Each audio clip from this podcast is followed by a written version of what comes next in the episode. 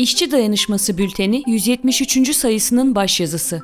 Yoksulluk çağı büyürken birlik ve dayanışmamızı güçlendirelim. İşçi sınıfı ve emekçi halk Türkiye tarihinde eşi benzeri görülmemiş bir yoksullaştırma dalgası altında nefes almaya çalışıyor. Son 100 yılda Türkiye toplumu önemli dönemeç noktalarından geçti. Ancak işçi ve emekçiler böylesine ani ve keskin bir yoksullaşma durumuyla ilk kez karşı karşıya kalıyor. 2018 yazında baskıcı tek adam rejimi altında patlak veren krizle birlikte hızlanan yoksullaşma, son bir yılda şiddetini alabildiğini artırarak bir çağa dönüşmüştür. Siyasi iktidarın politikaları nedeniyle lira hızla değer kaybetmiş, enflasyon uçuşa geçmiş, reel ücretler erimiş ve işçi sınıfının yaşam standartları, koşulları tepe taklak gerilemiştir. Üstelik bu yoksullaşma çığının nereye kadar ilerleyeceği ve nerede duracağı hiçbir şekilde belli değildir. Fakirlik, yoksulluk, yoksullaşma konusunu biraz daha genişletmeye ihtiyaç var. Özellikle şunu vurgulamak lazım. İster beyaz yakalı, isterse mavi yakalı olsun, işçi sınıfının tüm kesimleri bu düzende sömürülür ve yoksuldur. Bir kayanın ağaca dönüşmesi nasıl ki kayanın doğası gereği imkansızsa, ezilen ve sömürülen işçi sınıfının da kapitalist düzende yoksulluktan kurtulması o kadar imkansızdır. Bu düzen yıkılmadan işçi sınıfının sömürüden ve yoksulluktan kurtulması mümkün değildir. Ücret düzeyi ne olursa olsun işçiler yoksuldur ve yoksul olmak ayıp değildir.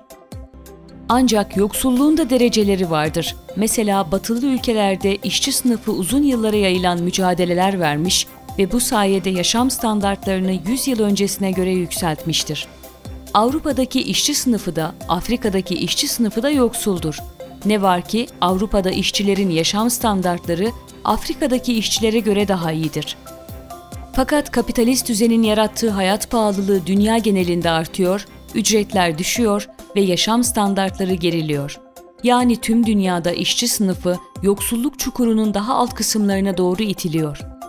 Altını çizdiğimiz üzere Türkiye'de bu süreç çok hızlı bir şekilde yaşanıyor.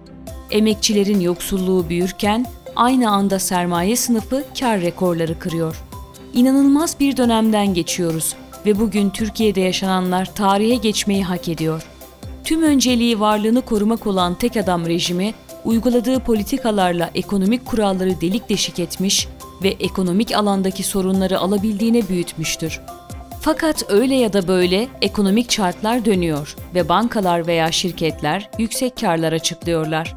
Mesela Bankacılık Düzenleme ve Denetleme Kurumu'nun verilerine göre bankacılık sektörünün yılın ilk 6 ayındaki net karı bir önceki döneme göre %400 arttı. Merkez Bankası'ndan sudan ucuz faizle kredi alıp daha yüksek faizle tüketiciye veren bankalar tabiri caizse malı götürüyorlar. Örneğin Koç grubunun 6 aylık karı 22 milyar lira olurken Halkbank'ın karı 4,6 milyar lira oldu. Bu listeyi uzatmak mümkün ama bunlar yeterince fikir veriyor. Bu tablonun anlamı yeterince açık değil mi? Birincisi, işçi sınıfının sömürülmesinin derecesi artıyor. İkincisi, emekçilerin sofrasından eksilen şey patronların kasasına kar olarak giriyor. İşte siyasi iktidar bu durumu çarkların dönmesi olarak adlandırıyor. Birçok kez belirttiğimiz gibi enflasyon bir yoksullaştırma politikasıdır. Çünkü enflasyonla birlikte ücretler de aynı oran ve doğrultuda artmıyor. Üstelik siyasi iktidar gerçek enflasyonu gizleyerek yoksullaşmanın derinliğini ve şiddetini saklamaya çalışıyor. Gerçek enflasyon oranı %175'in üzerinde olmasına rağmen Türkiye İstatistik Kurumu'nun açıkladığı enflasyon %80'dir. Oysa işçi ücretlerine %80 zam yapılsa ve ücretler miktar olarak artsa bile gerçekte %95 oranında muazzam bir kayıp söz konusudur.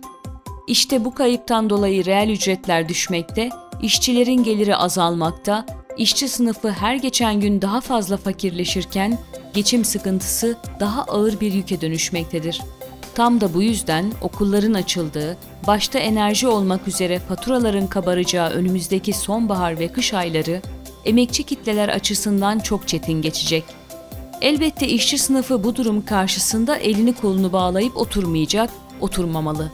Ancak işçiler, emekçiler, öğrenciler, yoksullar yani toplumun çoğunluğunu oluşturan işçi sınıfı birleşip siyaset sahnesine çıkamadığı sürece bu gidişata müdahale edemez. Ne var ki siyaset denince emekçilerin çoğu başka bir şey anlıyor. Çünkü siyaset egemenler tarafından emekçilere bir meslek olarak belletilmiştir. Zaten onu da işi siyaset olanlar yapar deniyor. Üstelik siyaset kirli ve aynı zamanda tehlikeli bir şey olarak sunulur. Kapitalist sömürü düzeninin sınırlarının dışına çıkan siyaset ise gayrimeşru gösterilerek gözden düşürülmeye çalışılır.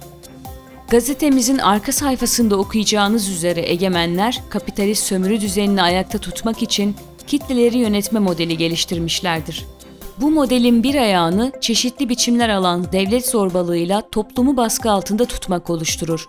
Öteki ayağında ise işçi ve emekçilerin bilincini bulandırarak onları siyasetten uzak tutmak vardır.